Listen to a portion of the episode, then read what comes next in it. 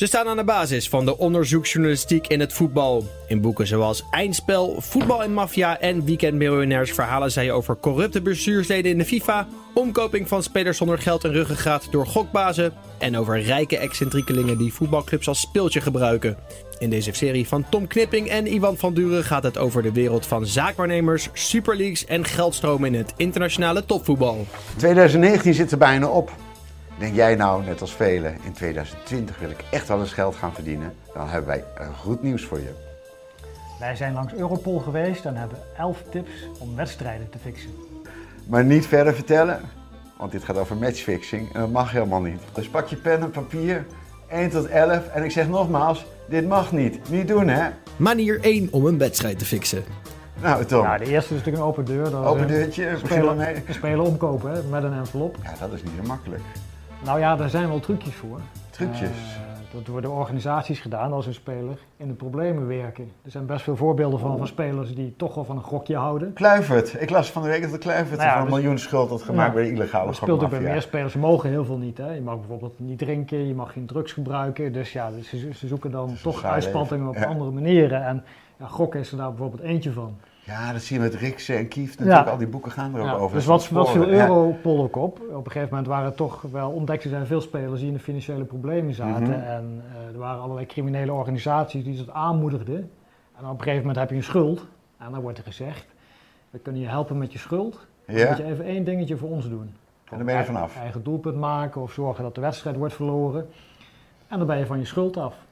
Slim. Dat, Dus dat is eigenlijk een van de meest voorkomende manieren. Dat, dat is nummertje één. Manier 2 om een wedstrijd te fixen. Een van de grootste misverstanden is dat fixers alleen op de uitslag gokken. Ja, ja, ja.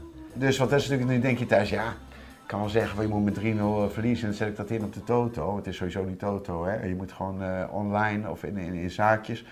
Maar het, je hoeft helemaal niet te zeggen van het wordt 3-0. Nee, het, het organiseren van een uitslag is natuurlijk moeilijk, want daar heb je meerdere spelers voor nodig. Tip 2, niet op die uitslag. Maar op een gegeven moment is het internetgokken heel groot geworden en al die boekmakers bieden talloze weddenschappen aan. Bijvoorbeeld, eh, wie krijgt de eerste gele kaart, Eh, wordt er rood gepakt, Eh, hoeveel penalties vallen er in een wedstrijd. Op al dat soort onderdelen kan je gokken en dat gaat best wel ver. Er is gebeurd dat, er kon, dat je kon weten of iemand een handdoek links of rechts in zijn doel hing. Dat Ja. is lang geleden, dat Ja. kan nu niet meer, denk ik.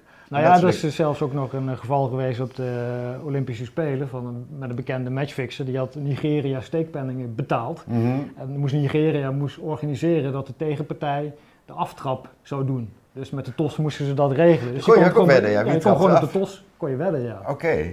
Dus het is een misverstand dat het alleen om de uitslag gaat. Op allerlei wedstrijdonderdeeltjes kan je ook eh, gokken. Tip 2 was dus niet de uitslag, maar zoek de kleine onderdeeltjes. Niet van ons, hè, van Europol. Dus niet dat wij hier mensen aanzetten tot allerlei, maar je kunt rijk willen worden. Manier 3 om een wedstrijd te fixen. Effectief voor gokcriminelen is ook het opbouwen van eigen winkels met spelers. Eigen winkels met spelers.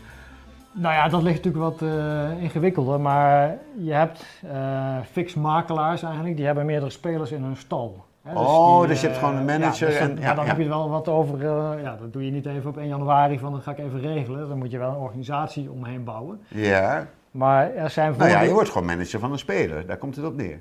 Ja, ja, Moet kunnen. ja. Ga naar Dordrecht toe, ga naar een speler toe, kan weer manager Ja. zijn. En Kan. wat doe je vervolgens met die speler? Die breng je van de een naar de andere club. Zodat het ook niet zo opvalt. Hè? Ga van Dordrecht naar Die Telstar. speler heb je dan in feite in je macht. Ja. Eh, dus je laat je dingen organiseren in het veld. En die wordt gewoon verplaatst eh, tussen allerlei eh, verschillende clubs waar jij dan contact hebt. Dus de speler die voor jou wil fixen. En als ik, ik, als ik naar een speler van Dordrecht of Os ga. En ik zeg, we kunnen 20.000 verdienen. Dan denk ik dat wij samen wel een speler vinden die zegt, nou, zwart, doen we. En daarna, als hij dus twee keer een, een fout heeft gemaakt, dan brengen we naar een andere club toe. Ja, ook Dat- omdat dat het vaak opvalt. En kijk, er is, er is een Mhm. bekend voorbeeld in Finland. Ja. dat kun je misschien ook nog wel herinneren. Daar ben je toen geweest. Ik zie jou nog rennen achter die man aan daar. Ja, maar ook eh, in Finland was het op een gegeven moment zo. eh, er was een club, die had geen geld. Eh, en nou, de fixer stortte zich daarop. En die heeft toen samen met een spelersmakelaar daar zeven Zambianen gebracht. Klopt. Hè, die eigenlijk helemaal niet konden voetballen. Die werden daar op een flatje boven een casino gezet tegen Ja. een heel laag salaris. En die kwamen daar, nou ja, die zaten daar en die kregen toen in één keer de opdracht om allerlei eh, dingen in het veld te gaan regelen. En ik, vervolgens kregen ze van die fixer kregen ze betaald. Dus het gaat vaak ook om spelers die helemaal niet zo goed kunnen voetballen, bijvoorbeeld uit Afrika, maar die wel grote ambities hebben. En die raken dan in zo'n netwerk eh, verzeild. En zij waren met zeven spelers en hebben daar in Finland allerlei wedstrijden geregeld. Heb je een doelman, wordt het natuurlijk al makkelijk, hè? Want het is natuurlijk veel makkelijker als een aanvaller of een verdediger of wat dan ook. Een doelman die kan er twee, drie keer overheen gaan. Iedereen denkt, wat een blunder. Maar je hebt het wel geregeld. Penalty veroorzaken, idem. Dus, doelman. Manier 4 om een wedstrijd te fixen. De scheidsrechter regelen. Of zelfs, dit is een hele leuke, een valse scheidsrechter neerzetten. Ja. Nou, de laatste, dat moet je me eens even uitleggen, een valse scheidsrechter neerzetten. Ik wil geld verdienen, dus ik ga inzetten op een wedstrijd, maar ik zet een Ja, valse kijk, een valse scheidsrechter neer. scheidsrechter die regel je natuurlijk niet in de Champions League. Maar je hebt bijvoorbeeld ook heel veel ja, oefenwedstrijden die in de winter en de zomerstop worden Ja, al die wedstrijden in Turkije in de winter. Ja, eh, die vliegen allemaal uit naar Turkije en eh, naar Spanje en naar Portugal, eh, et cetera. En ja, daar, daar vinden misschien wel honderd wedstrijden op een dag plaats. Ja. En er zijn, iedere keer zijn daar scheidsrechters voor nodig. Nou, dat hoeven natuurlijk, ja, clubs doen natuurlijk niet heel veel moeite voor om een goede scheidsrechter eh, eh, te regelen. Dus die, die zijn al blij als ze iemand aantreffen die kan fluiten. Dus dat kun je heel makkelijk eh, manipuleren. Dus je zet je dikke oom daar neer in een zwart pak met een badge erop en je zegt ik heb een nou scheidsrechter ja, want aanbieding voor jullie door wie worden die scheidsrechters geregeld? Er lopen allerlei wedstrijdmakelaartjes rond die regelen de, dat twee ploegen tegen elkaar spelen. En die moeten ook die- Mhm. de, de scheidsrechter regelen en betalen. Dus die willen eigenlijk liefst voor zo weinig mogelijk geld een scheidsrechter Ja, regelen. Dus daar du- duikt regelmatig inderdaad een malafide scheidsrechter op. Vaak is het niet eens iemand die in werkelijkheid ook echt een scheidsrechter even fluit. even fluit en Die gewoon even een pak en een fluit eh, Ja. inderdaad eh, aantrekt. En eh, ja, die, die doet dan zo'n wedstrijd. Ja, dachten wij, dit is een krankzinnig verhaal. Je kan niet naar Turkije even vliegen voor, wat is het, met Ryanair, voor, voor 36 euro daar een man neerzetten. Dat is het tweede ticket dan. En dan tegen AZ zeggen of zo, we hebben scheidsrechter voor jullie. Dus we zijn het zelf gaan onderzoeken toen. Nou, binnen twee dagen hadden we, zagen we een briesende Verbeek langs de kant die de scheidsrechter aan wilde vliegen. Weet je nog? Ja, En woede, dus wij dachten, we gaan eens even onderzoeken wie die scheidsrechter is. Foto erbij, gebeld naar de Bulgaarse bond, want daar zou die bij zitten. ja. Die man die was gewoon in Bulgarije, dat kon hem niet zijn. Wat bleek, het was gewoon helemaal die scheidsrechter niet geweest. Wij hebben Toon Gerbrands gebeld destijds bij AZ. Ja, daar gaan wij allemaal niet over die scheidsrechters. Dus we hadden meteen beet. Volgens mij een paar dagen later ook bij een wedstrijd van Herenveen in Turkije. Ja, ja, ja, want hebben het ook Penalty hier, ja. penalty daar. Iedereen boos. En Ja. wij weer naar die club toe. Van, hoe kom je dan die scheidsrechter? Ja, in het hotel via een scheidsrechtersmakelaar. ja, want we hebben er ook zelf eentje proberen te bestellen, weet je nog? Weet je nog hoe duur een scheidsrechter was? Ik weet wel andere dingen wat die kosten, maar scheidsrechter weet ik even Ja, niet nee, meer. voor 300 euro konden we er eentje krijgen die niet te dik was. Die niet, oh ja, daar kregen Ja. we ook nog erbij. Van, maar die is dan ook niet te dik. Die heeft een pak en Ja. een fluit en die gaat voor jullie fluiten. Dus dan zouden wij dus in zo'n hotel kunnen gaan zitten. Of jij zou het kunnen doen. Even investeren, Ryanair. En, en een pakkie, maar dat kun je misschien bij de carnavalsvereniging wel halen of zo. Mannetje neerzetten. En het klinkt belachelijk, maar het is bijna januari. Die oefenwedstrijden worden gespeeld. En de truc is, want waarom werd het niet gecontroleerd? In Nederland moet de KNVB het controleren. In Turkije zou Turkije het moeten controleren. Maar als AZ dan tegen Bremen speelt, is er eigenlijk niemand die Ja, meer plus controleert. het interesseert de clubs ook niet echt. Het is want ook er is, er ook geen sportief belang, terwijl er op zo'n wedstrijd wel eh, misschien 10 miljoen euro wereldwijd Ja. wordt ingezet. Ik vind dit wel een goeie. Ja. En er is in die tijd, want dit is een aantal jaar geleden waar we het nu Mhm. over hebben, maar er is in die tijd eigenlijk helemaal niks veranderd. Aan de controles niet. De, de clubs die destijds eh, eigenlijk daardoor negatief in het nieuws kwamen, hebben het voor kennisgeving aangenomen en die organiseren nog steeds op dezelfde wijze trainingskampen. Dus die trainingskampen, ja, in januari vliegt iedereen weer uit. Die wedstrijden zijn nog steeds eh, ja, extreem gevoelig voor Ja, omkopingen. en dan denk ik ook opeens aan, je hebt in Nederland ook allerlei makelaars, kun je ook nog worden. Maar van de wedstrijden dat, organiseren. Oh, volgende, oké. En dit is manier 5 om een wedstrijd te fixen. Deze manier is onfris. Dus iedereen die netjes rijk wil worden via de Maas en de wet, even door naar stap 6. Oh, dit gaat over Europees. Het is geen fijne methode, zegt die meneer van Europol, hè. Maar je ziet het veel. Bedreigen van spelers, scheidsrechters of families. Als je nu niet meewerkt, dan wordt je huis bijvoorbeeld in brand gestoken. Ja, we hebben zelf voorbeelden gezien van een speler die aan een paal in een rivier werd vastgebonden. St. Pauli, of was dat? Ja, ja, ja. ja, ja. Eh, Nou, de eerste scheidsrechter is opgesloten in een kelder en eh, mishandeld. Nou ja, dat, eh, er is een rapport van de Spelersvakbond ooit uitgekomen, met name in Oost-Europa. Kwart van de spelers, hè? Had Ja, spelers gehad. inderdaad hebben gewoon te maken gehad met, eh, ja, met bedreigingen en eh, mishandelingen. Ja. Eh, dus ja, dat, dat komt inderdaad komt dat voor. Ik bedoel, het is niet zo dat dat nu eh, dagelijks speelt bij Ajax en Feyenoord natuurlijk. Maar er zijn voorbeelden dat dat eh, inderdaad gebeurt in die wereld. Ja.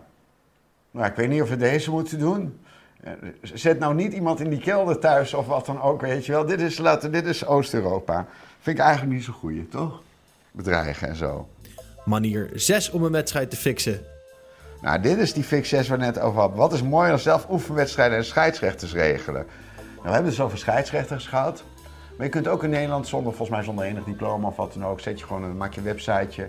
Eh, ik ben spelers, uh, ik ben wedstrijdmakelaar. Ik zorg dat je wedstrijden, oefenwedstrijden kan spelen. Het kan zijn dat Kozakkenboys dat die naar Turkije gaan en die willen spelen tegen iemand. Nou, dan regelen we dat ze tegen Beveren kunnen spelen, die er ook zijn. Ja. Dus ja, sowieso een hele, ja, sowieso een hele makkelijke job. Hè? Ja. Als je nou geen baan hebt en je zoekt nog iets, nou even een papiertje goed gedrag naar de UEFA en uh, je krijgt een uh, Heb jij dat niet, laat je het je zus doen. Ja. en dan ben je wedstrijdmakelaar en dan mag je dus officieel ja, wedstrijden gaan organiseren. Nou ja, dan kun je ook heel makkelijk je eigen kantoortje oprichten.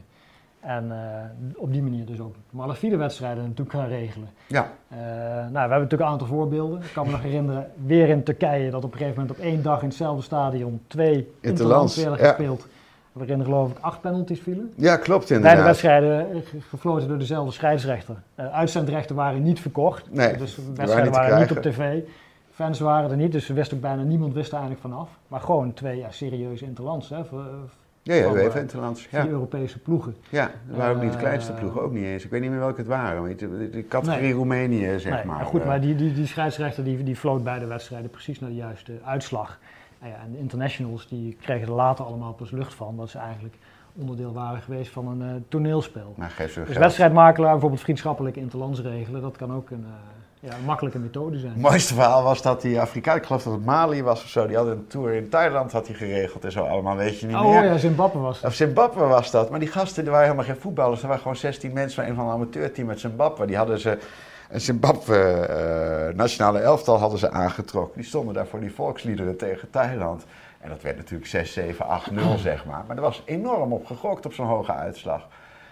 Speelde ja, nog een wedstrijd dan Maleisië. volgens mij was, was Zimbabwe. bleek gewoon helemaal eh, gewoon een nepteam te zijn. Dat was helemaal Zimbabwe niet. Maar ja, het gokken was al gedaan. Maar dit is wel moeilijk. Dit moet je met een paar mensen aanpakken, denk ik kun je niet zo even. Je kan er wel aan beginnen, maar dit is, moet je wel een halfjaartje aan werken. Nou ja, we hebben een voorbeeld toch van die matchfixer uit Singapore, die dat uiteindelijk in zijn eentje allemaal geregeld heeft. En die, heeft, uh, die zette zijn eigen kantoortje op als wedstrijdmakelaar. Perumal was dat, hè? Ja, ja. ex-kokosnotenverkoper die matchfixer werd. Ja. Um, zette zijn eigen kantoortje op en die regelde een aantal interlands bijvoorbeeld richting het WK in Zuid-Afrika. En kantoortje was gewoon een laptop eigenlijk, want hij deed alles met zijn laptop en zijn uh, dingen. Uh, nou, die stuurde dan wat contracten van, ja, je kan zoveel geld kan je als mooi logo erop. Als jullie tegen elkaar spelen, inderdaad, mooi logo erop. En uh, nou, in aanloop naar het WK werden ze gewoon ja, hoogwaardige vriendschappelijke interlands eigenlijk. Op die gemanipuleerd. Ja. ja, dat klopt. Dus, dus dat is het echt zo moeilijk? Ja, dat weet ik niet. Nee, wij zouden het samen wel. Ik snap eigenlijk ook niet waarom we dat niet. Maar ja, misschien moeten we het een keer gaan doen. Manier 7 om een wedstrijd te fixen. Nou, spelersagent worden, hè, dus fix 7. Of zorg dat je eigenaar wordt van een speler. Dat zie je veel in Brazilië en Afrika. Hè, dat je dan. Uh, sterft van de voetbalscholen. En uh, alleen daar uh, hebben we ook wel spelers gesproken die, uit Gambia, of die verhalen, dat ze daar op de voetbalschool zaten. En dan, nou dan, het enige wat jij wil, en je moet er al betalen om op school te komen, is naar Europa te gaan. Dus als je daar je beste spelers uit zo'n school zegt van je mag naar Europa toe, maar je luistert wel naar mij. Dat doen ze allemaal, natuurlijk doe je dat, weet je wel. Je moet gewoon eten. Uh, nou, je zet ze hier neer en ze, en ze luisteren. En dat is met heel veel Brazilianen en Afrikanen gebeurd. En dat zegt Europol ook, daar is het heel makkelijk, want je koopt de speler. Dus als jij en ik zeggen van, hé, hey, jij hier achter die camera, jij uh, ziet er goed uit, je kan vast wel voetballen. Uh, zullen wij voor jou het gaan regelen? Dan moet jij tekenen dat wij het voor jou gaan regelen. Vanaf dat moment ben je van ons. Nou, dan heb ik alleen nog maar een vriend nodig hier bij de Treffers of bij Top Os. Die zegt, ik neem die speler wel. Talent, nou, daar ga je. Hartstikke idee. We're in business. Manier 8 om een wedstrijd te fixen. Een kantoor opzetten dat internationale wedstrijden organiseert.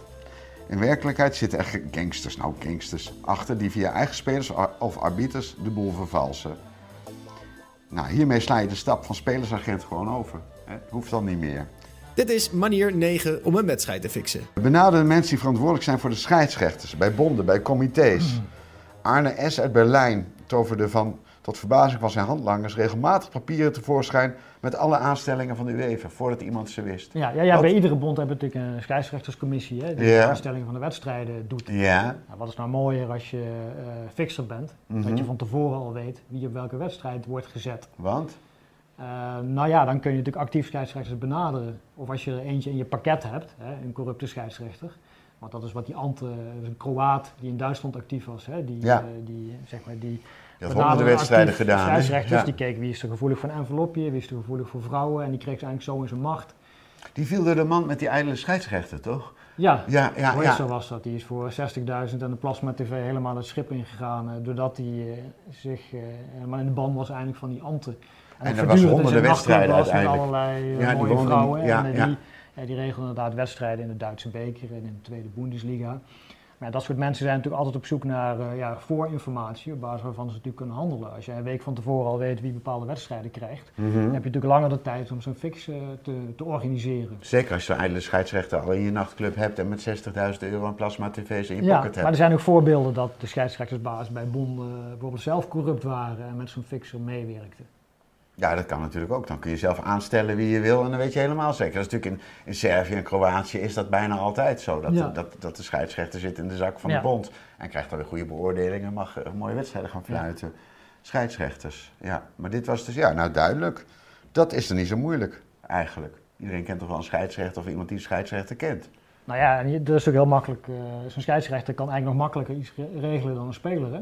Ik zou dat, dat vind ik wel Want waar, waar wordt ja. bijvoorbeeld heel veel op ingezet? Eh, dat is het aantal doelpunten verschil. Ja, En het totaal aantal doelpunten dat eh, valt in een wedstrijd. Dat zijn eigenlijk de meest populaire weddenschappen in die hele grote miljardenindustrie. Ja, want je moet je voorstellen, die gokmarkt, die online gokmarkt, miljardenindustrie. hè? gaat over ja. vele, vele miljarden. Ja. En dat volume geld wordt eigenlijk steeds hoger. Dus als jij een tonnetje inzet op, eh, op RKC, Mhm. ja, dat viel tien jaar geleden viel dat nog gigantisch op. Maar nu valt het eigenlijk helemaal weg in de rivier van, eh, ja, van geld die eigenlijk naar die gokbedrijven toe gaat. Dus met andere woorden, wil je een wedstrijd fixen en daar veel geld op inzetten, Mhm. dat valt nu minder op dan tien jaar geleden. Maar nou zeggen mensen, een tonnetje op RKC doet toch niemand? Weet je nog dat wij toen eh erachteraan zijn gegaan hoeveel er bijvoorbeeld op een wedstrijd van NEC werd ingezet? Dat was drie, vier jaar geleden. Weet je nog dat bedrag? Ja, we hebben het, we hebben het eh, vorig jaar nog gevraagd. Hè. Het gemiddelde bedrag wat op een eredivisiewedstrijd wordt ingezet is nu tegen de 20 miljoen euro. Ja, Gemiddeld, hè? dus er zit Ajax bij, maar er zit dus ook RKC en Fortuna zitten daar ook bij. dus RKC Emmen wordt gewoon 20 miljoen opgezet. Dus dat zijn wel bedragen. Manier 10 om een wedstrijd te fixen. Fix 10, dat is natuurlijk de beste. Koop een club. Maar dat is misschien nou een beetje, je denkt van thuis eh, van potverdomme, ja, koop een club. Maar koop een club, dat, is, en wat, dat zie je nu bij de jongens die hè, vijf jaar geleden al met nieuwjaar dachten ik ga wat fixen. Die hebben nu veel meer geld en op een gegeven moment kun je dan een club kopen. Wat is het voordeel dan als je een club koopt? Ik heb het idee dat het ook veel meer gebeurt. Hè? Dan kun je natuurlijk alles regelen wat je wil. Hè. Dus, eh, we hebben ook een voorbeeld ge- gehad in Finland. Dus in een club zit in financiële problemen. Hè. En op een gegeven moment eh, mailt er iemand die kan geld investeren. Eén mailtje, hè? Ja. Een mailtje, ik kan voor zoveel ton kan ik jouw club redden. Ja. Ja. dat was dus Fixer. Wat wil die? Die wil natuurlijk gewoon de aandelen van de club, zodat hij daar alles voor het zeggen heeft. En natuurlijk daar de spelers kan neerzetten, samen met de makelaars, die hij in zijn macht heeft. En dan kunnen ze samen uitslagen gaan regelen. Want dit was eigenlijk een heel oninteressante club op een lager niveau. Mhm. Maar ja, wat we net al zeiden, de gokvolumes op al die wedstrijden zijn zo hoog, dat je ook met die clubs best veel geld kan verdienen met het manipuleren van, van wedstrijden. En met name die kleinere clubs zijn interessant, want er komen weinig fans op af. Die wedstrijden zijn niet live op televisie. Eh, dus het valt ook niet zo op als je er Ja. allerlei gekke dingen uithaalt. Dus koop jij een club, ja, dan kun je natuurlijk met die club uithalen wat je wil, Ja. waaronder Een dus. spelerstal matchfixing. ook die je wil. Ja, Nou, dat is wel, nou denk je thuis dat kan niet, maar dat kan wel. Want, want ik, ik weet nog, eh, in eh, België, er was de Chinese J, en die liep uiteindelijk tegen de lamp vanwege een jaloerse vrouw, zoals het altijd gaat natuurlijk. Maar die had, stap 1 had hij een enorm mode, had hij een modebedrijf ingeschreven ergens in Parijs. Stap 2 had allerlei kaartjes gemaakt, dure kaartjes. Stap 3, hij huurde zo nu en dan een Jaguar. En stap 4 stuurde mailtjes naar zeven clubs dat hij een, eh, een investeerder was die graag eh, geld wilde investeren in de club. Nou, van Sint-Truiden tot bijna alle clubs reageerden, komt u langs. Dus hij zat het eerste weekend al op vier ereterrassen met die gehuurde auto en noem maar op. En binnen de kortste keren eh, zat hij bij zes, zeven clubs binnen. Dat geld komt natuurlijk vanzelf wel, want op een gegeven moment ga je dan praten, ook met spelers of met trainen. Hij zei toen, ja, het zou voor mij beter zijn als jullie verloren, want dan, dan wordt de club goedkoper, krijg jij wat geld en dan ging met envelopjes schuiven. Dan heb je je eerste bedrag, je zet een keer in, dus je pakt een tonnetje, want dit gaat over groot geld. Je zet, eh, weet ik wat je hebt, zet je in. En vervolgens eh, kon hij dan ook gaan betalen natuurlijk. En die man is uiteindelijk ontmaskerd, maar er bleek de halve Belgische eerste klasse, bleek met hem samengewerkt te hebben, zeg maar. Dat is de grote J-affaire. En die had in een half jaar had hij het gefixt. Had hij, het is zo makkelijk maar het is gaat het. precies, clubs willen clubs- altijd geld. Clubs willen altijd geld. En iedereen Ja. die met een zak geld schermt is welkom. Eh, neem Roda, waar we het recent nog gezien hebben dat er ook een verslagen idioot uit Mexico eh, ook beweert allerlei geld te hebben. Die is daar welkom en die heeft daar gewoon drie maanden de boel kunnen runnen. Weliswaar niet om de boel te fixen, maar als je kwaad wil, dan kun je ook wel heel makkelijk bij een club... eh, En de vorige eigenaar zat al heel lang vast. Terecht. Voor ze erachter kwamen die Rus, Ja. weet je niet meer. Die schoon ja, maar het geeft natuurlijk heel makkelijk aan hoe makkelijk je bij een club binnenkomt als je gewoon beweert dat je wat miljoenen wil investeren. Ja, moet ook wel. Kijk, als je nu Dordrecht belt en die zeggen en, je, en wij mailen van ja, we hebben een ton en we zijn geïnteresseerd in vlak bij de havens, we willen investeren. Ja, natuurlijk word je dan uitgenodigd. En als laatste manier 11 om een wedstrijd te fixen. Koop een trainer, zet hij weer de juiste club. De coach maakt de opstelling en kan precies de voetballers inzetten die meewerken aan het complot. Of de goede spelers uit de basis laten. Nou, dat, eh, dan moet je een trainer in je zak hebben of kennen, denk ik. Er zijn natuurlijk Ja, zat mensen die ja. trainer zijn. Ja, dat is en niet de makkelijkste manier. Nee, er vind zijn er niet heel veel voorbeelden van dat dat eh die we heel kennen. is hè. gelukt. Leukste wel, weet ik nog wel, dat die man die zei toen we vroegen wat zijn dan de nieuwste ontwikkelingen, want hoe erg is dit allemaal? En dat ze hadden, waren gaan afluisteren ook het, eh, bij die oefenwedstrijden in Turkije. En toen waren ze op een gegeven moment, dat was heel raar. Als ze dat oortje van die scheidsrechter hoorden ze dan mensen uit een busje of vanaf de tribune. Willen binnen vijf minuten willen we een strafschop hebben. Dus regel dat. Dus je denkt dat die grensrechters met die scheidsrechters aan het praten waren, maar dat is een heel ander systeem. Had het over, hij hoorde hele andere dingen in zijn oortje. En zover en zo slim zijn die jongens die al veel eerder met fixen begonnen zijn. En het is geen fijn wereldje natuurlijk. eh. Nee, wat nu ook een ontwikkeling is, bijvoorbeeld e-sports. Met name in eh, Azië is dat heel E-sports groot. fixen? Gaming, ja. Ja, Er wordt ook al veel geld op ingezet. En Ja. Azië zitten hele stadions vol eh, naar, eh, ik weet niet hoe al dat die games klopt heten, ja. er dat klopt. kijken. Ja. En eh, daar gaat ook steeds meer geld in om. En daar wordt ook regelmatig wordt er eentje gepakt. ja, omdat hij dan de boel heeft gemanipuleerd, zo'n gamer. Het wordt echt steeds, steeds wilder Ja. allemaal. Ja, en natuurlijk andere sport is natuurlijk ook een hot item. Hè. Ja. Cricket en tennis met name. De laatste jaren zijn natuurlijk heel veel voorbeelden van geweest. Ja. Omdat het natuurlijk ook redelijk makkelijk te ja, regelen is. Hè? Omdat je dan, ja, het is gewoon 1 tegen 1. Dus natuurlijk- dat is natuurlijk minder complex Ja, dan met makkelijker. 11 ja. tegen 11. Ja, ja, ja. Ja, het heet ook niet voor niks wedstrijd, hè? zo is het altijd geweest. Die wet op, eh, je wet op die strijd, zeg maar. En, Nou ja, kijk, de oude Grieken die deden natuurlijk al eh vals spelen en eh, de boel regelen. Dus het is wel alle tijden. Alleen met Ja. de opkomst van het hele internet gokken en die miljardenbusiness is er gewoon grof geld mee te verdienen.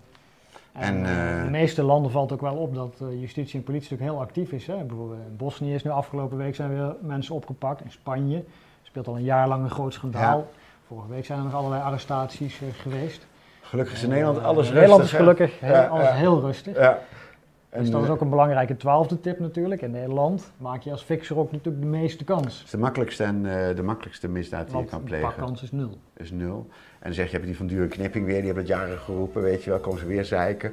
Maar dit was bijvoorbeeld de NRC, NSF, en dat, ik weet dat is misschien saai, Olympische Spelen. Daar zit ook zo'n man, die moet het allemaal in de gaten houden. En die is laatst ook gillend eh, van ja, er is in Nederland geen enkele politie, niemand doet er wat aan. Eh, het kan toch niet zo zijn dat dit de sprookjeswereld is, zijn woorden. eh, en dat in, in de rest van de wereld het allemaal wel gebeurt. Dus Nederland blijft wat dat betreft helaas een heel makkelijk land om op deze manier geld te verdienen. Succes met fixen. Maar niet doen hè.